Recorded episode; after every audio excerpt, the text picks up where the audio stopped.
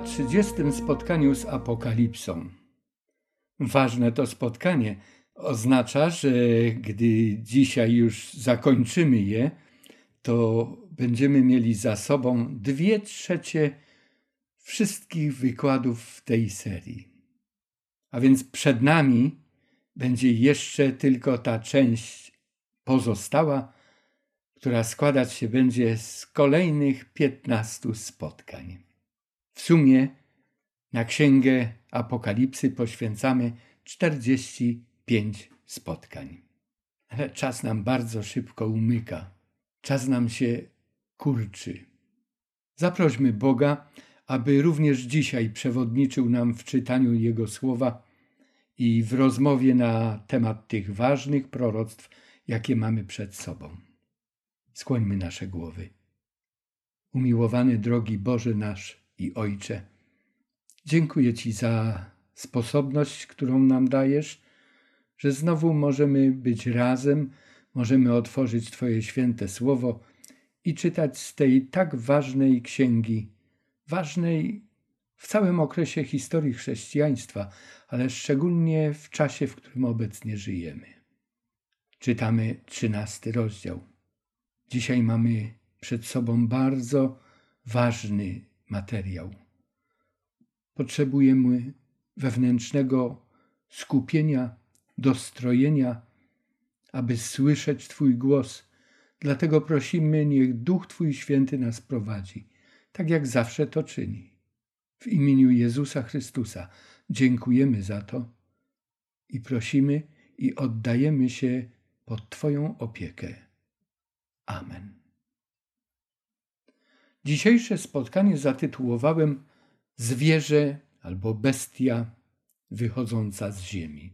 Będziemy czytać i zastanawiać się nad znaczeniem treści kolejnych tekstów od 11 do 18 z 13 rozdziału Księgi Objawienia. Zanim jednak to uczynimy, najpierw powróćmy jeszcze na małą chwilę do już przestudiowanego materiału, aby powtórzyć i utrwalić sobie to, co już poznaliśmy, a co stanowi podstawę dzisiejszego naszego studium. A więc do tej pory w tej części Apokalipsy, w drugiej części, począwszy od dwunastego rozdziału, przyglądaliśmy się walce smoka z niewiastą. Ten cały opis znajduje się w dwunastym rozdziale. Na szczególną naszą uwagę zasługiwał siedemnasty wiersz z tego dwunastego rozdziału i jego dwukierunkowość. Ta szczególna funkcja, o której już mówiliśmy na chyba dwóch, a może trzech naszych spotkaniach.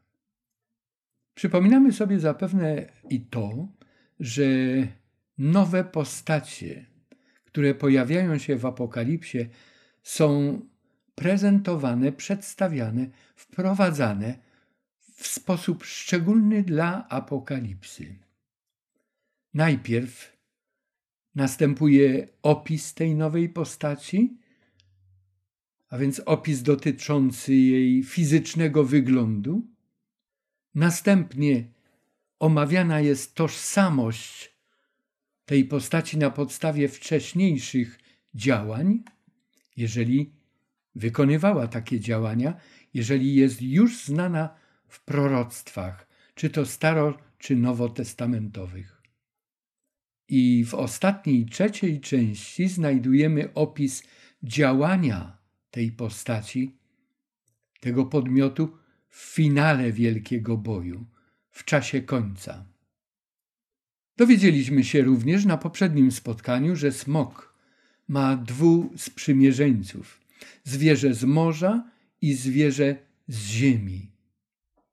Oni stanowią taki zespół, którego zadaniem jest odprowadzić ludzi od Boga, pociągnąć do siebie i odebrać należną Bogu cześć, którą wielu ludzi oddaje komu innemu niż swojemu Stworzycielowi i Zbawcy. A teraz przeczytamy teksty od 11 do 18. Te teksty, które stanowią podstawowy materiał dla dzisiejszego naszego spotkania. W tym pierwszym wierszu znajdujemy opis wyglądu i prezentację tego zwierzęcia z ziemi.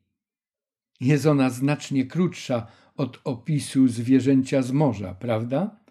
Zauważamy to. Zwróćmy uwagę też, że te poszczególne części mamy zakolorowane każdą innym kolorem. Pierwsza białym, druga żółtym, a trzecia tym niebieskim. Zauważamy, że nie występuje tutaj ten drugi człon. Człon, który dotyczy zazwyczaj tożsamości tej nowej postaci na podstawie wcześniejszych jej działań. Ten brak może oznaczać, że to zwierzę nie ma wcześniejszej historii. I rzeczywiście, jeżeli chodzi o zwierzę z ziemi, to nie występuje ono we wcześniejszych zapisach proroków, ani w Starym, ani w Nowym Testamencie. Pojawia się dopiero w czasie końca. Teksty od 12 do 17 opisują działania tej bestii czy tego zwierzęcia. Działania, które następuje w czasie końca, w finale wielkiego boju. Mamy więc do czynienia z kimś nowym. Jest to inna moc, o innym pochodzeniu i sposobie działania. Jest oryginalna i niepodobna do żadnego ze zwierząt w Apokalipsie, ani też nawet w księdze Daniela. Zwierzę z ziemi różni się od wszystkich postaci, jakie poznaliśmy do tej pory. Historycznie pojawia się ono na scenie po pojawieniu się smoka i po pojawieniu się pierwszego zwierzęcia. Treść wiersza osiemnastego stanowi wyjaśnienie liczby imienia zwierzęcia. Dlatego dodałem czwarty kolor. Zajmiemy się teraz poszczególnymi tekstami. Zwierzę wychodzące z ziemi. Wiersz jedenasty. I widziałem inne zwierzę wychodzące z ziemi, które miało dwa rogi podobne do baranich i mówiło jak smok.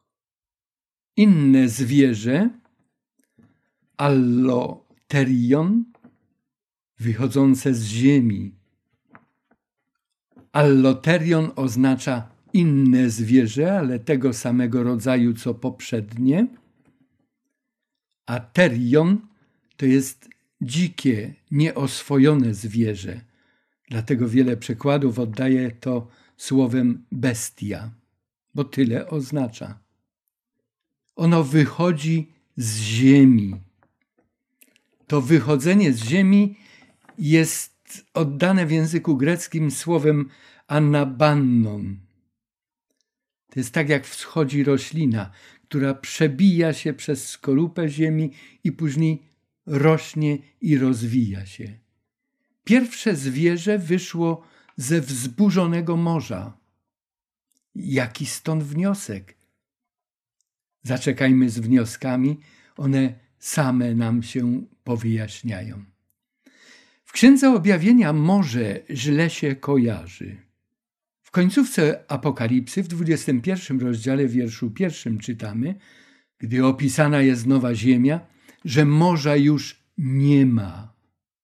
22 rozdział nam podpowiada, że nie ma tam niczego, co było złe na poprzedniej ziemi, w czasie, w którym my obecnie żyjemy.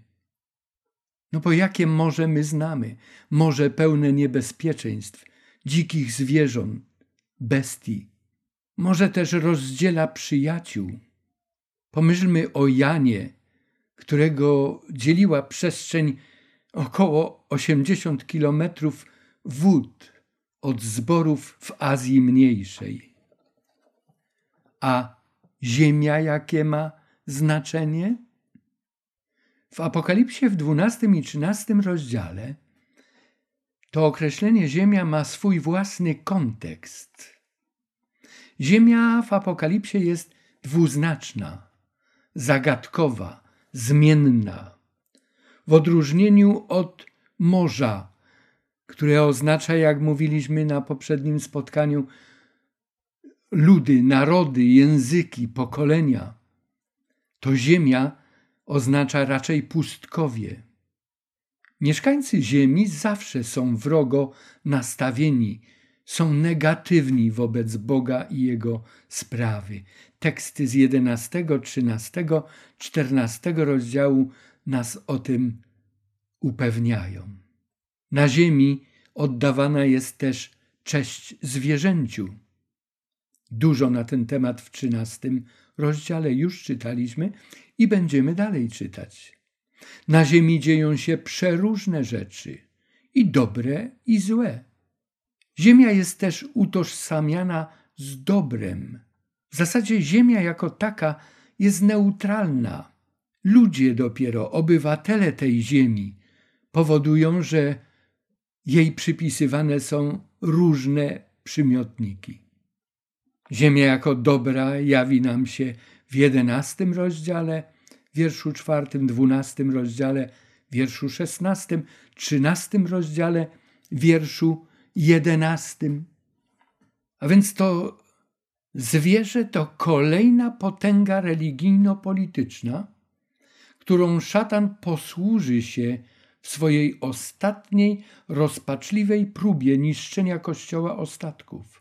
Potęga ta później w Apokalipsie dozna metamorfozy, przeobrażenia i będzie nazywana fałszywym prorokiem. Tak będzie w szesnastym rozdziale, w dziewiętnastym i dwudziestym. A to wskazuje, że jest podmiotem łączącym religię z polityką. Na podstawie jej aktywności będziemy się starali określić jej tożsamość, bo tej tożsamości na podstawie jej wcześniejszych działań, jak pamiętamy, nie ma, bo ona wcześniej nie działała. O Ziemi dowiadujemy się, że to ona ratowała niewiastę w czasie, kiedy smok chciał ją zatopić. I była ona synonimem ruchów reformacyjnych, oświecenia, a przy tym odkrycia Ameryki w 1492 roku, szczególnie dla Europejczyków, tam chronili się prześladowani w Europie. To był dla nich nowy ląd, nowa ziemia. I to zwierzę wychodzi z tej ziemi, z tych warunków, z tych środowisk. Nowa to była ziemia nowe przyjazne okoliczności, warunki, przede wszystkim tolerancja, wolność religii, wolność wyznania. A później tam powstało państwo, mocarstwo republikańskie, ukształtowane w XVIII-XIX wieku, wyznawające zasadę wolności obywatelskiej i wolności religijnej. Przyglądając się wyglądowi tego zwierzęcia z ziemi, to dochodzimy do wniosku, że jedyną potęgą, która spełnia te wszystkie kryteria, są Stany Zjednoczone Ameryki. W Europie szalała święta inkwizycja. W dniu 16 września 1620 roku 102 pielgrzymów chrześcijan, purytan, odpłynęło z Europy, z Anglii na trójpokładowym statku Mayflower do Ameryki, gdzie dopłynęli do portu Plymouth Rock, a w dniu 21 listopada wyszli tam już na ląd. Założyli kolonię Plymouth. Tworzyli wspólnotę ludzi wierzących, którzy, podobnie jak wcześniej chrześcijanie, mieli wszystko wspólne. Osadnicy ci jednak wiele ucierpieli również tam, na tym pustkowiu.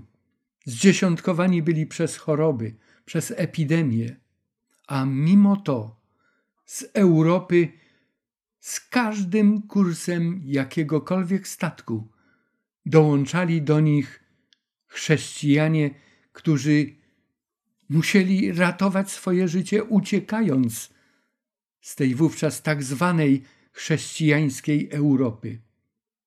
Wciąż znajdowali schronienie na tej nowej ziemi, wytchnienie od prześladowań.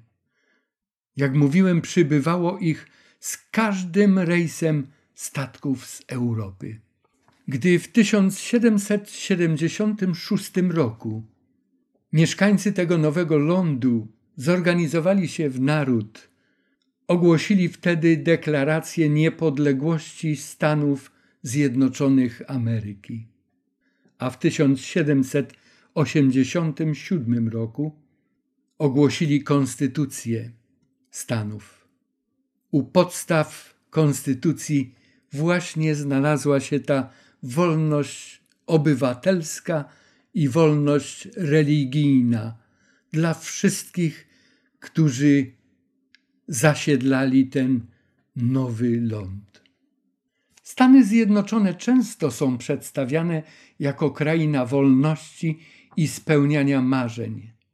Odgrywają one ważną rolę i decydującą we wszystkim, co obecnie dzieje się na całym świecie. Obecnie Ameryka stanowi potęgę dominującą w wielu dziedzinach życia.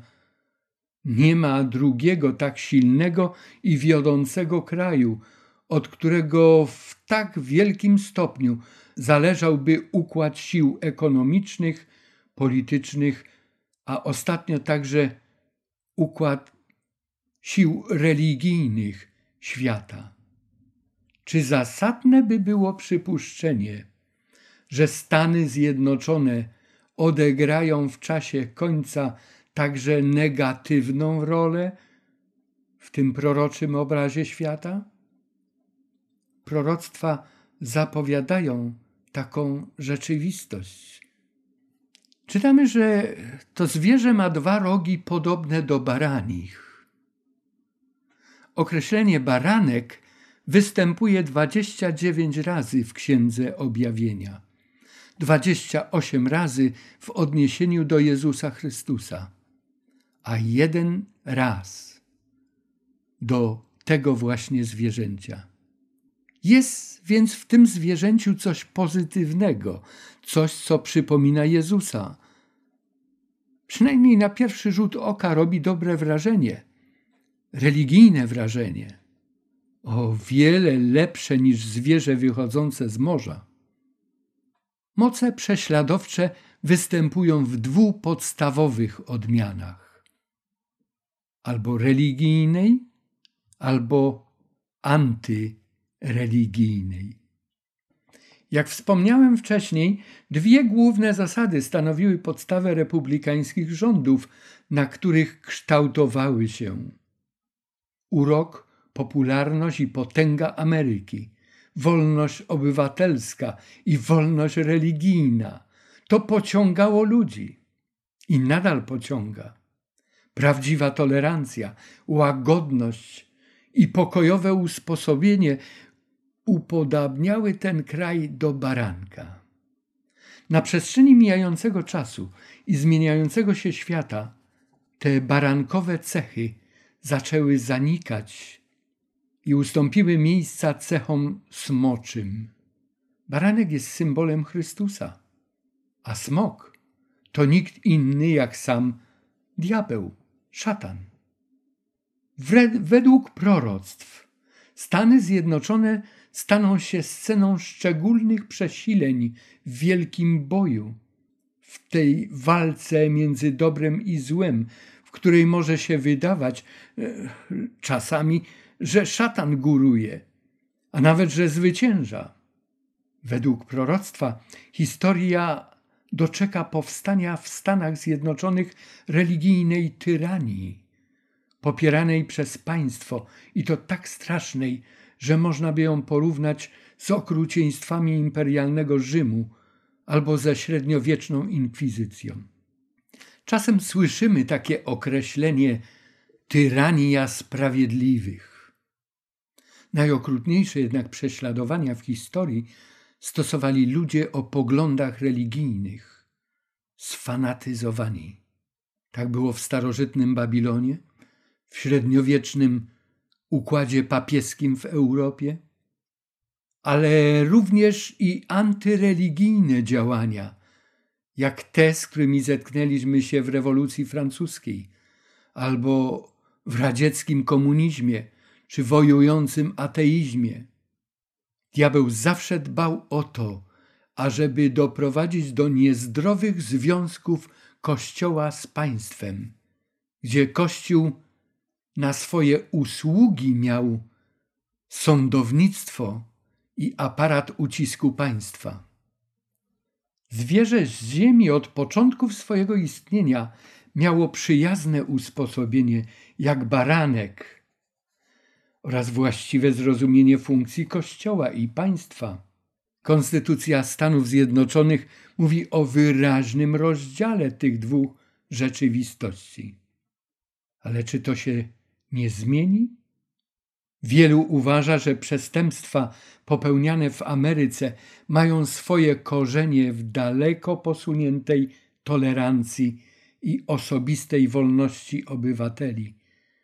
A jednak Amerykanie cenią ją sobie ponad wszystko inne w życiu, nawet kosztem zagrożenia ze strony niektórych ludzi czy grup społecznych, a także dla pojedynczych osób i dla grup, które państwo to uzna w odpowiednim czasie za zagrażające dla Ameryki.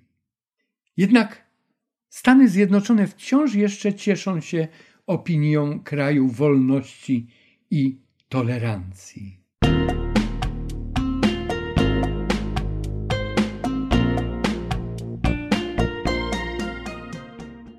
A więc baranek to czy smok? Ta bestia, to zwierzę, miało dwa rogi podobne do baranich i mówiło jak smok. Czasem nasze dobre wyobrażenie oparte na pozytywnej prezencji ulega zmianie, kiedy tego kogoś posłuchamy. Tak i w tym przypadku ta pierwsza pozytywna opinia, oparta na zewnętrznym wyglądzie zwierzęcia z ziemi, staje pod znakiem zapytania. Ziemia i baranek są pozytywne, a jednak moc ta służy smokowi, jego sprawie, w jego interesach występuje. Począwszy od wiersza dwunastego, dowiadujemy się coraz więcej na temat zachowania i działalności tego potężnego mocarstwa, które ma za sobą chwalebną historię i z opinią którego nadal liczy się cały świat. Smok postanowił skorzystać z możliwości wykorzystania tej mocy dla realizacji swoich własnych celów.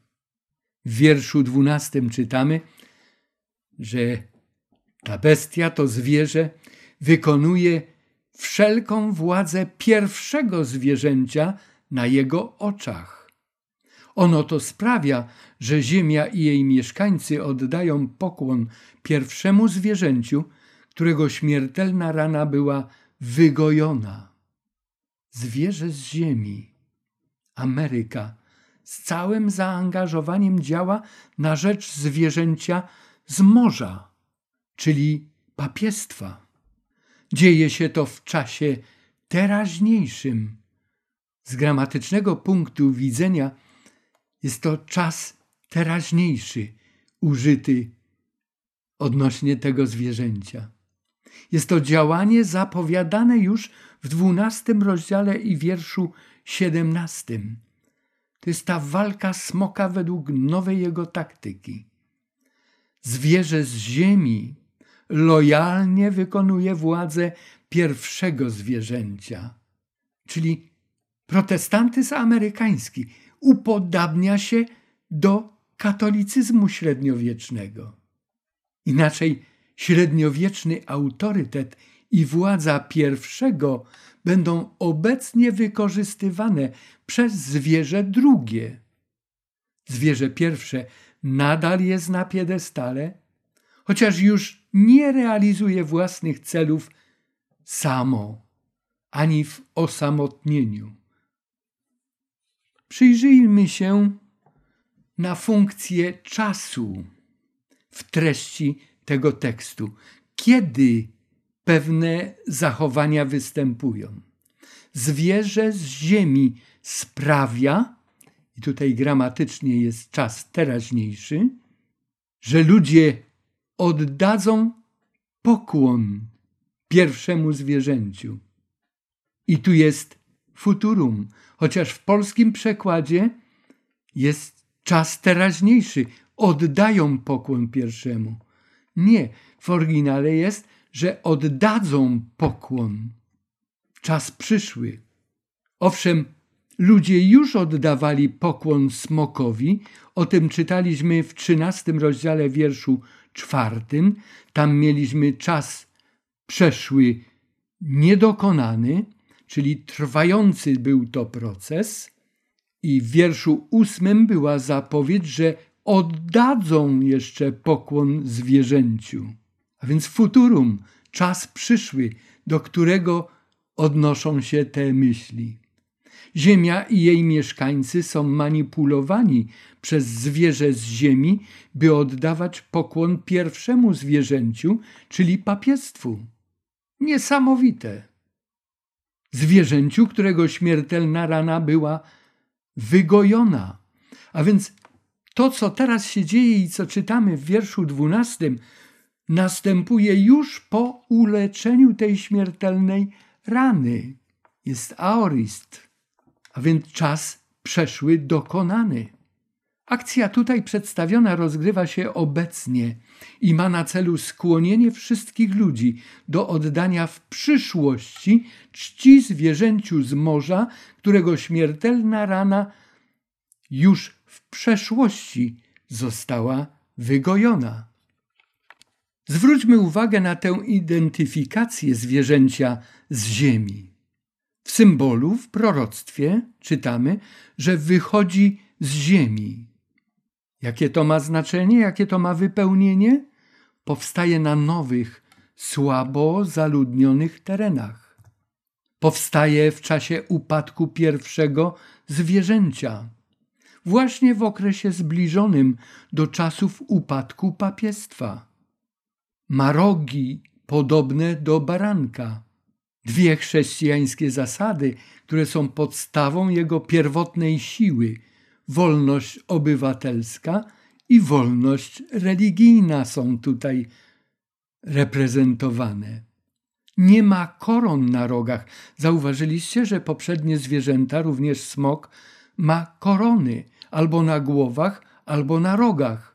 Tu o tym nie czytamy, dlatego że Ameryka nie jest monarchią, nigdy nie była. Ma ustrój republikański sprawuje władzę porównywalną z władzą pierwszego zwierzęcia. A więc tak jak kiedyś papiestwo w Europie, Kościół panował nad wszystkimi wszystkimi, tak to zwierzę staje się światowym supermocarstwem. Ponownie trzeba nam stwierdzić, że tylko jedna potęga w dziejach świata odpowiada temu opisowi, a mianowicie Stany Zjednoczone Ameryki Północnej. To państwo powstało nie dzięki militarnym podbojom, jak Królestwa Europy.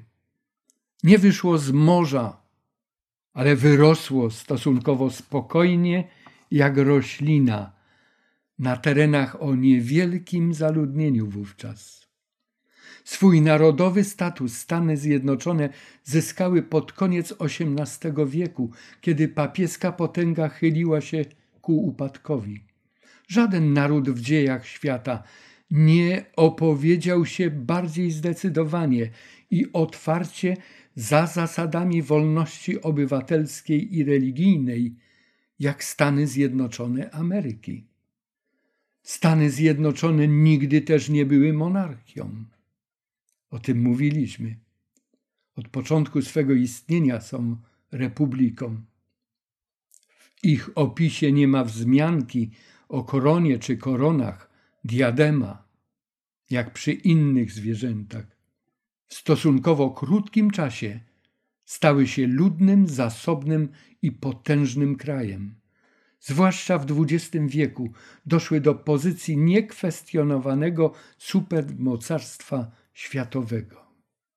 Z wiersza trzynastego dowiadujemy się, że czyni wielkie cuda, tak że i ogień z nieba spuszcza na ziemię na oczach ludzi. Czyni wielkie cuda. Znowu czas teraźniejszy. Ogień z nieba spuszcza na ziemię. Staro- i nowotestamentowym tłem jest tutaj działanie Boga. Starym Testamencie na górze Karmel, a w Nowym Testamencie podczas pięćdziesiątnicy w Jerozolimie. W obydwu tamtych przypadkach chodziło o demonstrację mocy Boga. Tym razem jednak jest inaczej. Cudu dokonuje nie Bóg, ale ten, który uważa się za Boga, o którym możemy przeczytać te słowa w drugim liście do Tesaloniczan w drugim rozdziale. Jest to straszliwe oszustwo, które ma zaświadczyć, zbudować i nadać autorytet tej odstępczej mocy. Zwiedzenie będzie tak podstępne, a zarazem tak udokumentowane, że zagrożeni będą nawet wybrani, o czym Chrystus powiedział i mamy to zapisane w Ewangelii Mateusza. Są to zwodnicze działania owej fałszywej trójcy, której w ubiegłym tygodniu poświęciliśmy bardzo dużo czasu. I tych cudów dokonuje to drugie zwierzę, to, które wyszło z ziemi. Zwierzę to legitymuje się zarówno religijnym, jak i politycznym autorytetem. Jeżeli są to Stany Zjednoczone, to chodzi o ich tożsamość, zarówno w wymiarze autorytetu duchowego, moralnego, politycznego, jak i religijnego.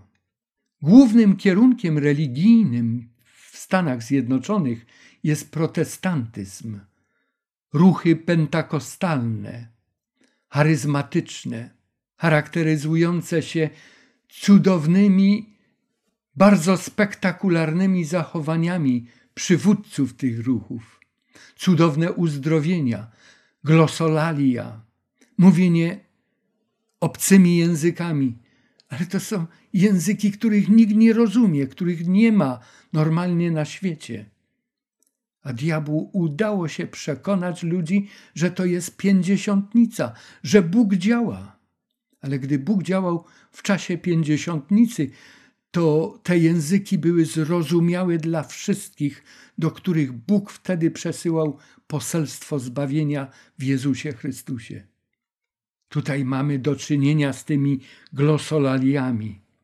Zachowania spirytystyczne, nazywane spirytualistycznymi, aby nadać im to brzmienie ducha, duchowości, uduchowienia. Te ruchy ogarniają nie tylko całe Stany Zjednoczone, ale dotarły do wszystkich niemal kościołów i na całym świecie, w Polsce również.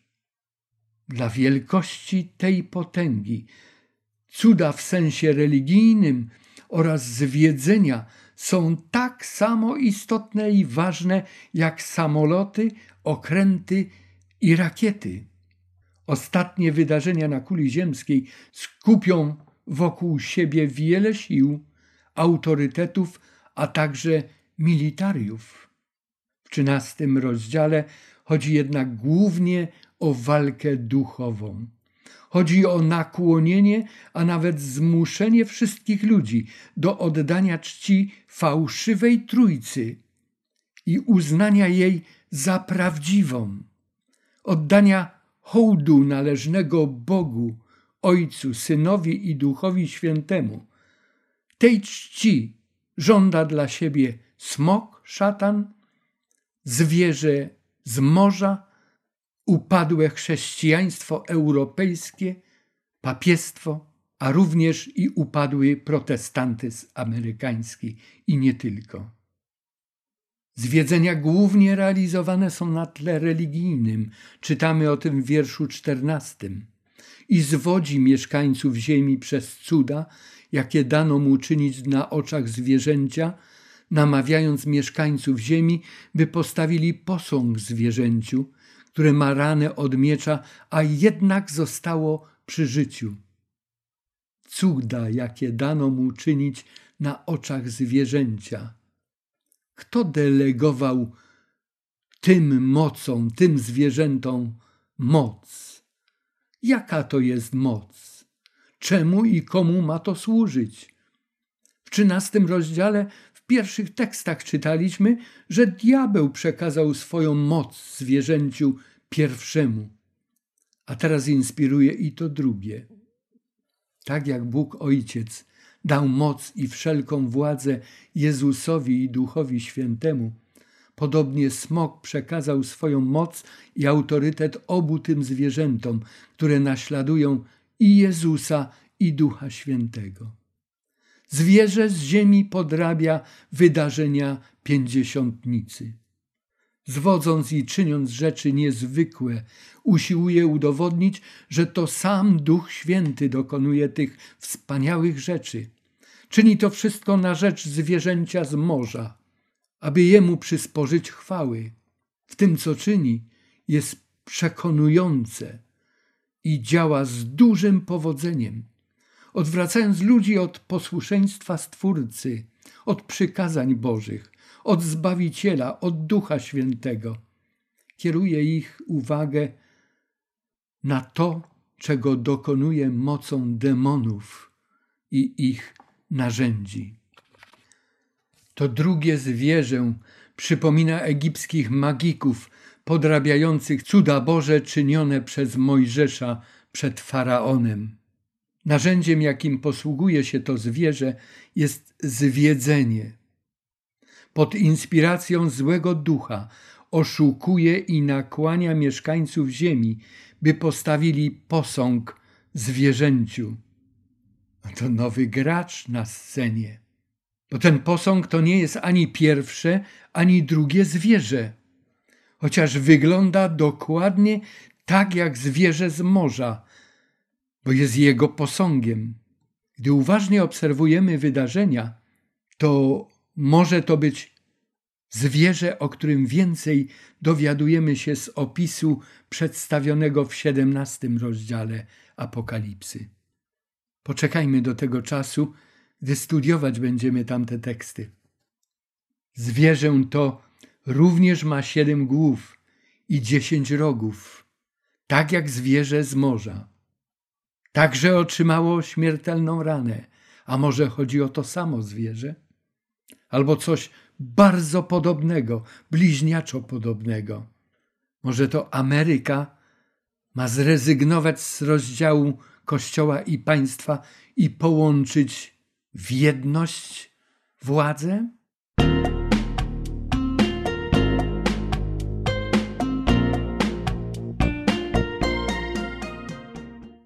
W wierszu piętnastym czytamy i dano mu tchnąć ducha w posąg zwierzęcia, aby posąg zwierzęcia przemówił i sprawił, że wszyscy, którzy nie oddali pokłonu posągowi zwierzęcia, zostaną zabici. Interesujący to obraz, interesująca układanka.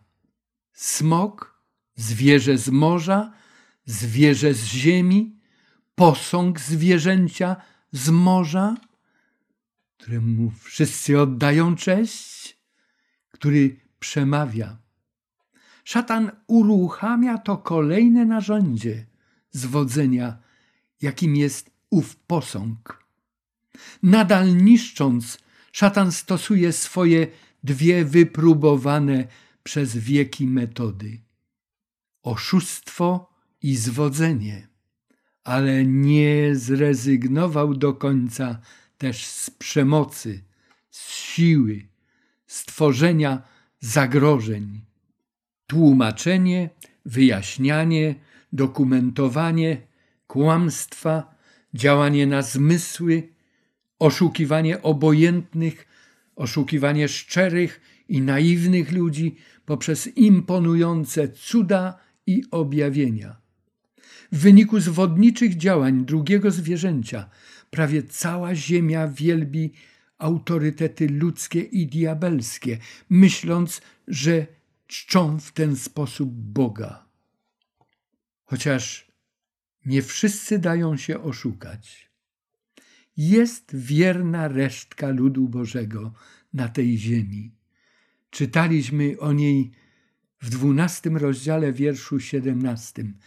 To na nią szatan przypuszcza swój atak. Czytamy, że temu zwierzęciu dano taką zdolność, aby tchnąć ducha w posąg zwierzęcia. To jak gdyby szatan próbuje podrobić twórcze działanie Boga. Sytuacja podobna jak wtedy, gdy Bóg stworzył człowieka i ożywił pierwszą parę ludzką, dając im właśnie to ożywcze tchnienie. Smog usiłuje czegoś takiego dokonać, co na początku uczynił Bóg. Na arenę tej walki wkraczają moce duchowe, wkracza spirytyzm. Diabeł osobiście jest zaangażowany i jego aniołowie. Jest to kolejny dowód na zwodnicze działanie drugiego zwierzęcia na płaszczyźnie tej duchowej walki. Jest to podrabianie działania Ojca i Syna i Ducha Świętego, aby odwrócić uwagę ludzi od Boga, od nieba i skierować na te narzędzia diabelskie na tej ziemi. Zwróćmy uwagę, ten posąg nie jest zwykłym bożkiem. Mówi, żyje, jest potężny. Jego dekret jest przerażający. Oddasz pokłon albo zginiesz. Starotestamentowym tłem dla tej sytuacji jest doświadczenie na równinie Dura w Babilonie, opisane w trzecim rozdziale księgi proroka Daniela. W religijnym życiu zawsze mamy do czynienia z duchową rzeczywistością, z mocami dobra i zła. Ludzie na ogół fascynują się zjawiskami nadnaturalnymi. Zapominają, że niezwykłe sprawy i zjawiska niekoniecznie pochodzą od Boga. Posąg zwierzęcia z morza rozpoczyna swoje działanie na wyraźne życzenie zwierzęcia z ziemi. Posąg zaczyna mówić, chociaż posągi z natury nie potrafią mówić. Czytamy o tym wyraźnie u proroka Habakuka w drugim rozdziale, wiersze 18 i 19. Nie mają też życia, tchnienia. Możemy o tym przeczytać w księdze Jeremiasza, dziesiąty rozdział, wiersz czternasty, pięćdziesiąty pierwszy rozdział, wiersz siedemnasty. Ale warto też przypomnieć sobie, jak to było na początku. Wąż mówiący w raju. To był sam demon, który przyjął tę postać. Czy tutaj siły demoniczne działają i pozorują, że to posąg mówi? Czy one inspirują umysły czołowych polityków, czołowych przywódców tego świata i manipulują nimi, a przez nich narodami? Dekret śmierci. W Biblii czytamy o wielu takich dekretach śmierci. W księdze Daniela w trzecim rozdziale, wierszu szóstym, trzech młodych Hebrajczyków wrzuconych jest do pieca. Mają być spaleni. Za co? Za to, że nie chcieli oddać pokłonu właśnie posągowi, który w Babilonie był wystawiony. Powiedzieli, my się kłaniamy tylko Bogu. I Bóg ich uratował.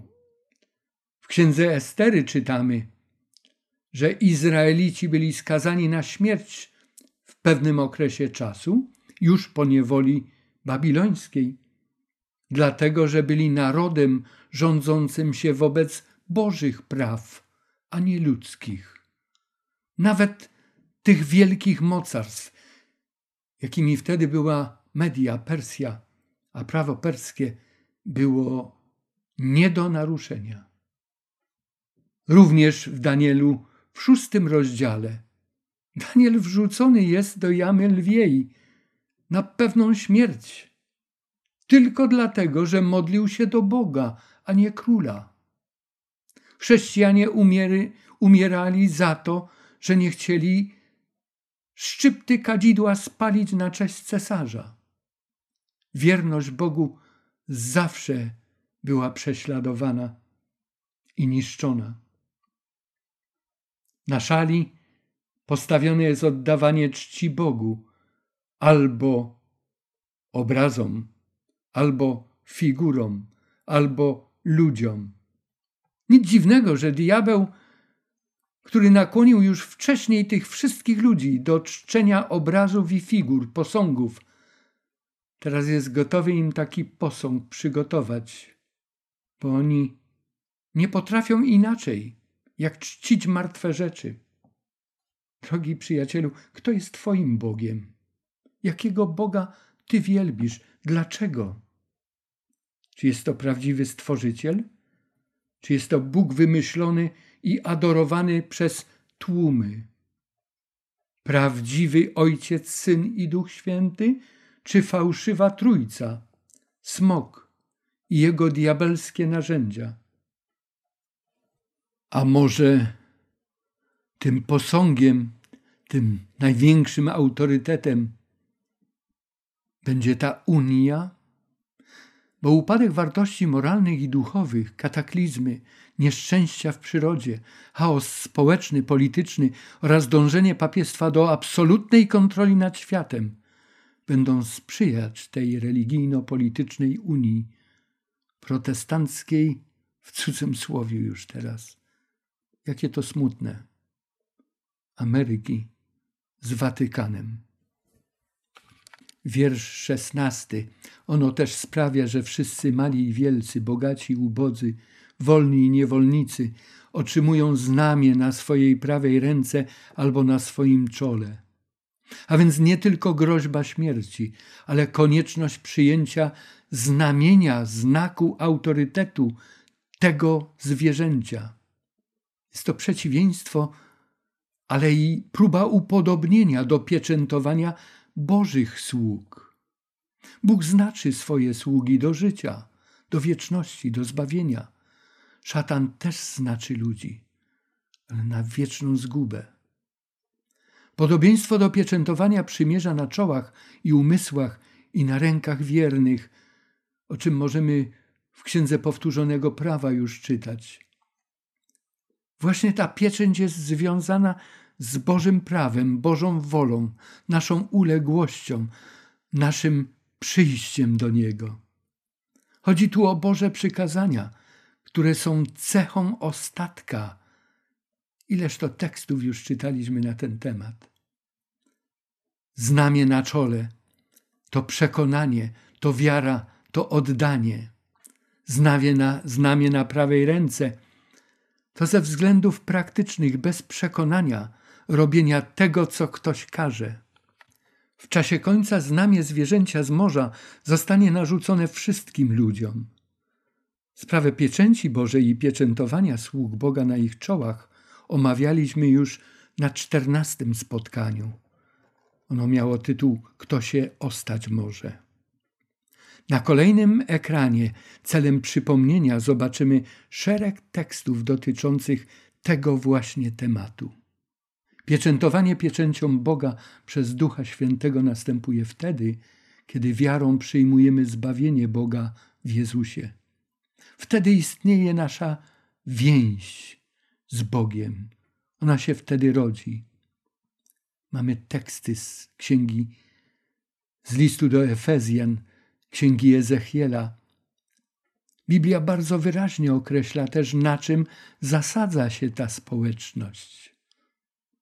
Drugi list do Tymoteusza, Ewangelia Mateusza, Apokalipsa. Te różne teksty, które są tu podane. Ostatnie pieczętowanie ma szczególne znaczenie, gdyż również w czasie nadchodzących plag stanowi ono gwarancję ochrony ludu Boga, który to lud żywo doczeka powrotu swojego Zbawiciela. Gdy to będzie wymuszane, to wiemy, że czas już jest bardzo, bardzo bliski. Obietnicę ochrony w tym czasie znajdujemy w Psalmie 91. Przeczytajmy ją koniecznie. Są też ograniczenia i restrykcje. Nikt nie może kupować. Ograniczenia natury ekonomicznej, bytowej, społecznej. Chyba, że ma imię zwierzęcia albo liczbę jego imienia. Imię to charakter. Taki charakter, jaki ma owo zwierzę. To jego sposób zachowania się, bycia, działania. Mieszkańcy Ziemi zostali przekonani, że moc ta zawsze ma rację, dlatego bezkrytycznie przynależą do tego systemu i akceptują wszystkie jego nauki, wszystkie praktyki, utożsamiają się z jego wolą, z jego nakazami i zarządzeniami. O którym zwierzęciu jest tu mowa? Z kontekstu wynika, że chodzi o zwierzę z morza, które podrabia działanie Jezusa Chrystusa.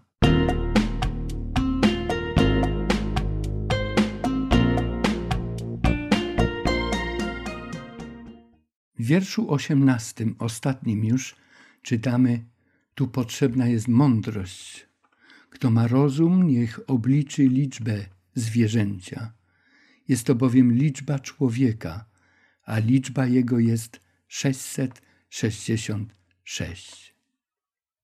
Na temat liczby 666 istnieje wiele przeróżnych propozycji, pomysłów, hipotez, a nawet fantazji. Niemniej jednak wszystkie one wzbudzają wiele sensacji. Czasami są nawet przyczyną dyskusji, sporów, walk. Pierwsi czytelnicy musieli na ten temat wiedzieć coś więcej od nas. Jeżeli chodzi o tło biblijne, to warto tutaj zastanowić się nad znaczeniem liczb w Piśmie Świętym. Jedynka, trójka, czwórka, szóstka, siódemka, dwunastka, dwadzieścia cztery, sto czterdzieści cztery tysiące. Moglibyśmy jeszcze znaleźć wiele innych. Przewijają się w różnych czasach i w różnych tekstach, w różnych opisach biblijnych. Siódemka jest symbolem doskonałości, symbolem pełni. W Apokalipsie mamy wiele siódemek i tych wymienionych już numerycznie, ale i takich, które są ukryte, a jest ich też siedem. Liczba sześć to liczba, którą bibliści odnaleźli w różnych tekstach i połączyli ją z człowiekiem bo w szóstym dniu został człowiek stworzony. Człowiek miał pracować sześć dni. Człowiek dążył do doskonałości i nie mógł jej nigdy osiągnąć. A więc dążył do, mówiąc obrazowo, do siódemki, ale zawsze mu brakowało i zostawał na swojej szóstce. Czyli ta szóstka to niepełna doskonałość. Szóstka to połowa z dwunastu, a dwunastka jest liczbą ludu Bożego. Różne były losy ludu Bożego i stąd różne wnioski są też wyciągane, czy jest to pozytywny wydźwięk tej szóstki, czy negatywnej. Posąg na Dolinie Dura w Babilonie miał wymiary 60 na 6 łokci i niektórzy mówią, że Przecież on był posągiem, a więc miał trzy wymiary, że prawdopodobnie jego trzeci wymiar wynosił też sześć łokci. A więc mielibyśmy tutaj ten układ sześćdziesiątkowy. Układ dziesiętny i układ szóstkowy były znane na przestrzeni historii, są znane do dzisiaj. Z tym układem szóstkowym spotykamy się, gdy mówimy o mierzeniu czasu. To są sekundy, minuty, których jest zawsze 60, 60 sekund w minucie, 60 minut w godzinie i tak dalej. W geometrii mamy układ ten szóstkowy, 360 stopni w kole. Kąty mierzone są również według tego systemu. W astronomii podobno szóstka góruje nad układem dziesiętnym. Astrologowie, kapłani, magowie babilońscy, oni byli bardzo ściśle z szóstką związani. Jedno jest pewne, że babilońscy kapłani posługiwali się amuletami i nosili amulety. I tutaj na zdjęciu mamy dzięki wykopaliskom odczyszczone już te amulety. Y, było to związane również ta szóstka i 666 ze słoneczną pieczęcią, a więc z kultem słońca. Tu widzimy te diagramy mistycznej liczby 666.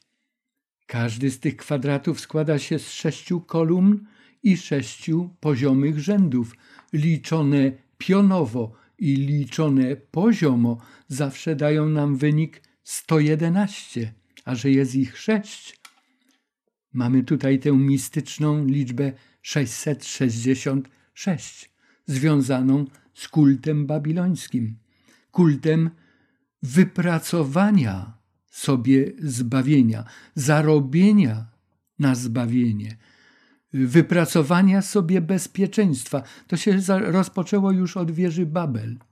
I tak trwa do dzisiaj. I w chrześcijaństwie ślady tego znajdujemy jeszcze w postaci zapracowania dobrymi uczynkami na zbawienie. Ta liczba 666 tutaj w Księdze Objawienia jest ściśle połączona z działaniem tej fałszywej trójcy smoka, zwierzęcia z morza i zwierzęcia z ziemi. Nie chodzi tutaj przecież, jak mówiliśmy, o zwierzęta. Zwierzęta są symbolem ludzi, mocy, potęg, autorytetów, instytucji.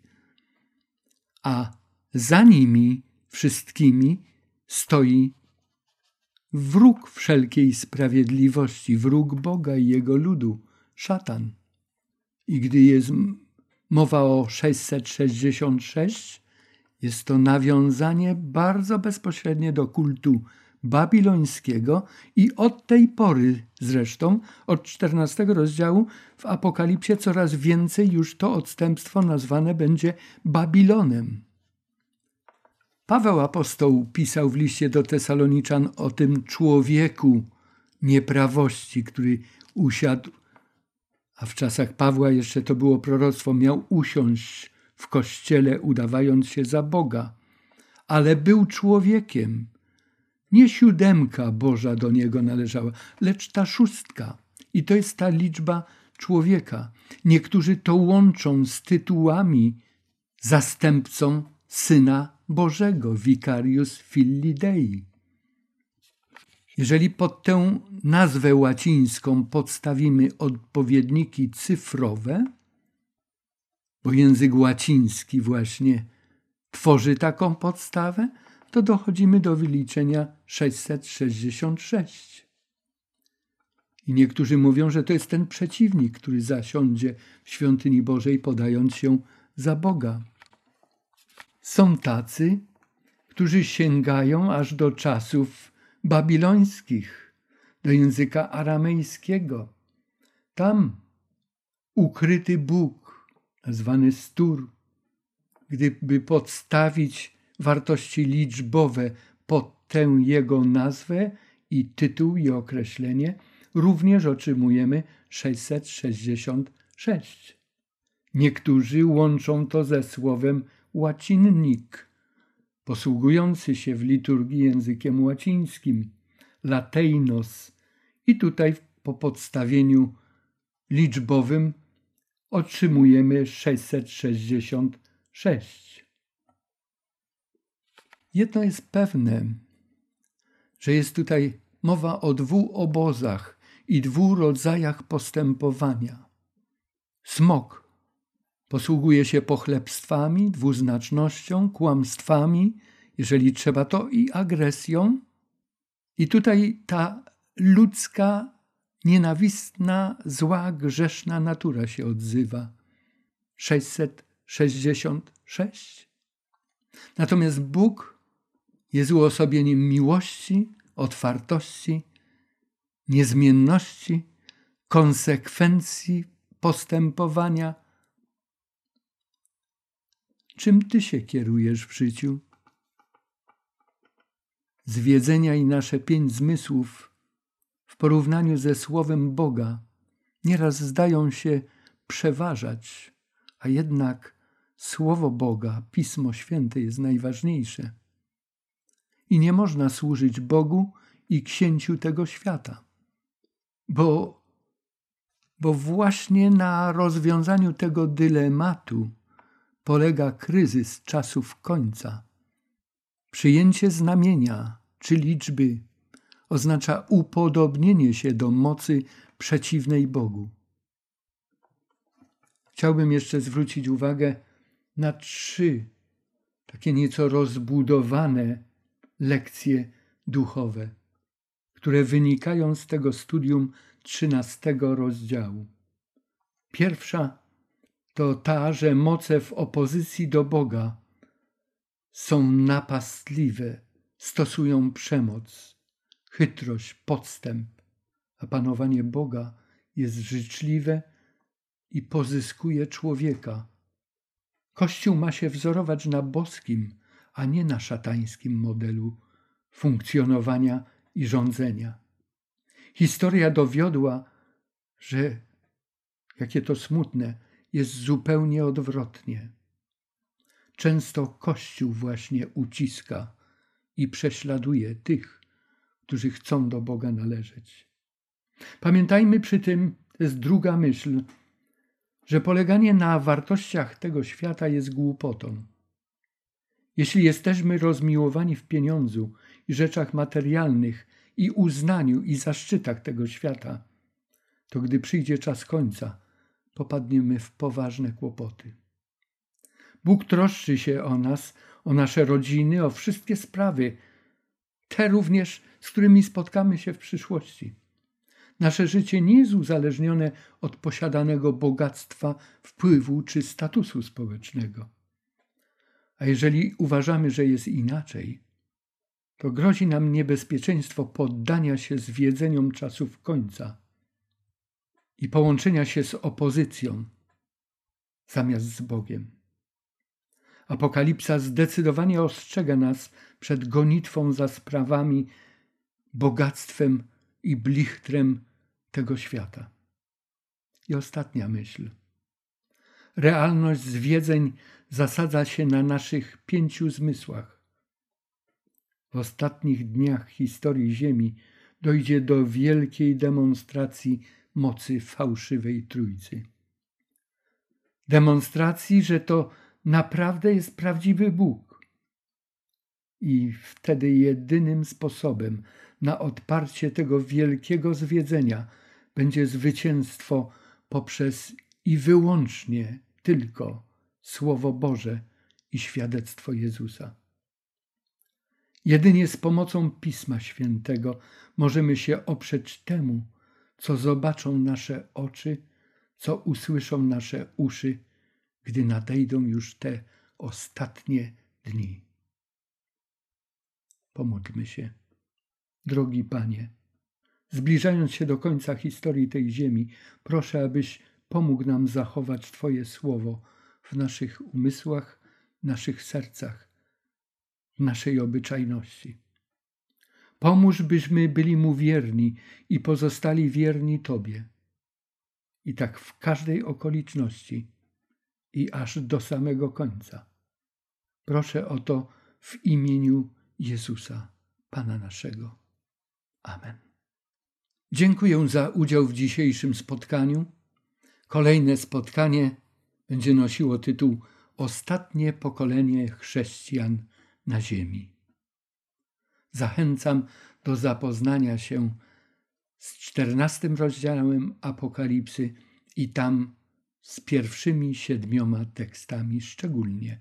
Aczkolwiek proszę, zaglądajmy już do całego rozdziału. Do usłyszenia. Niech Bóg ma Was w swojej opiece. Niech prowadzi, błogosławi Was i Wasze rodziny.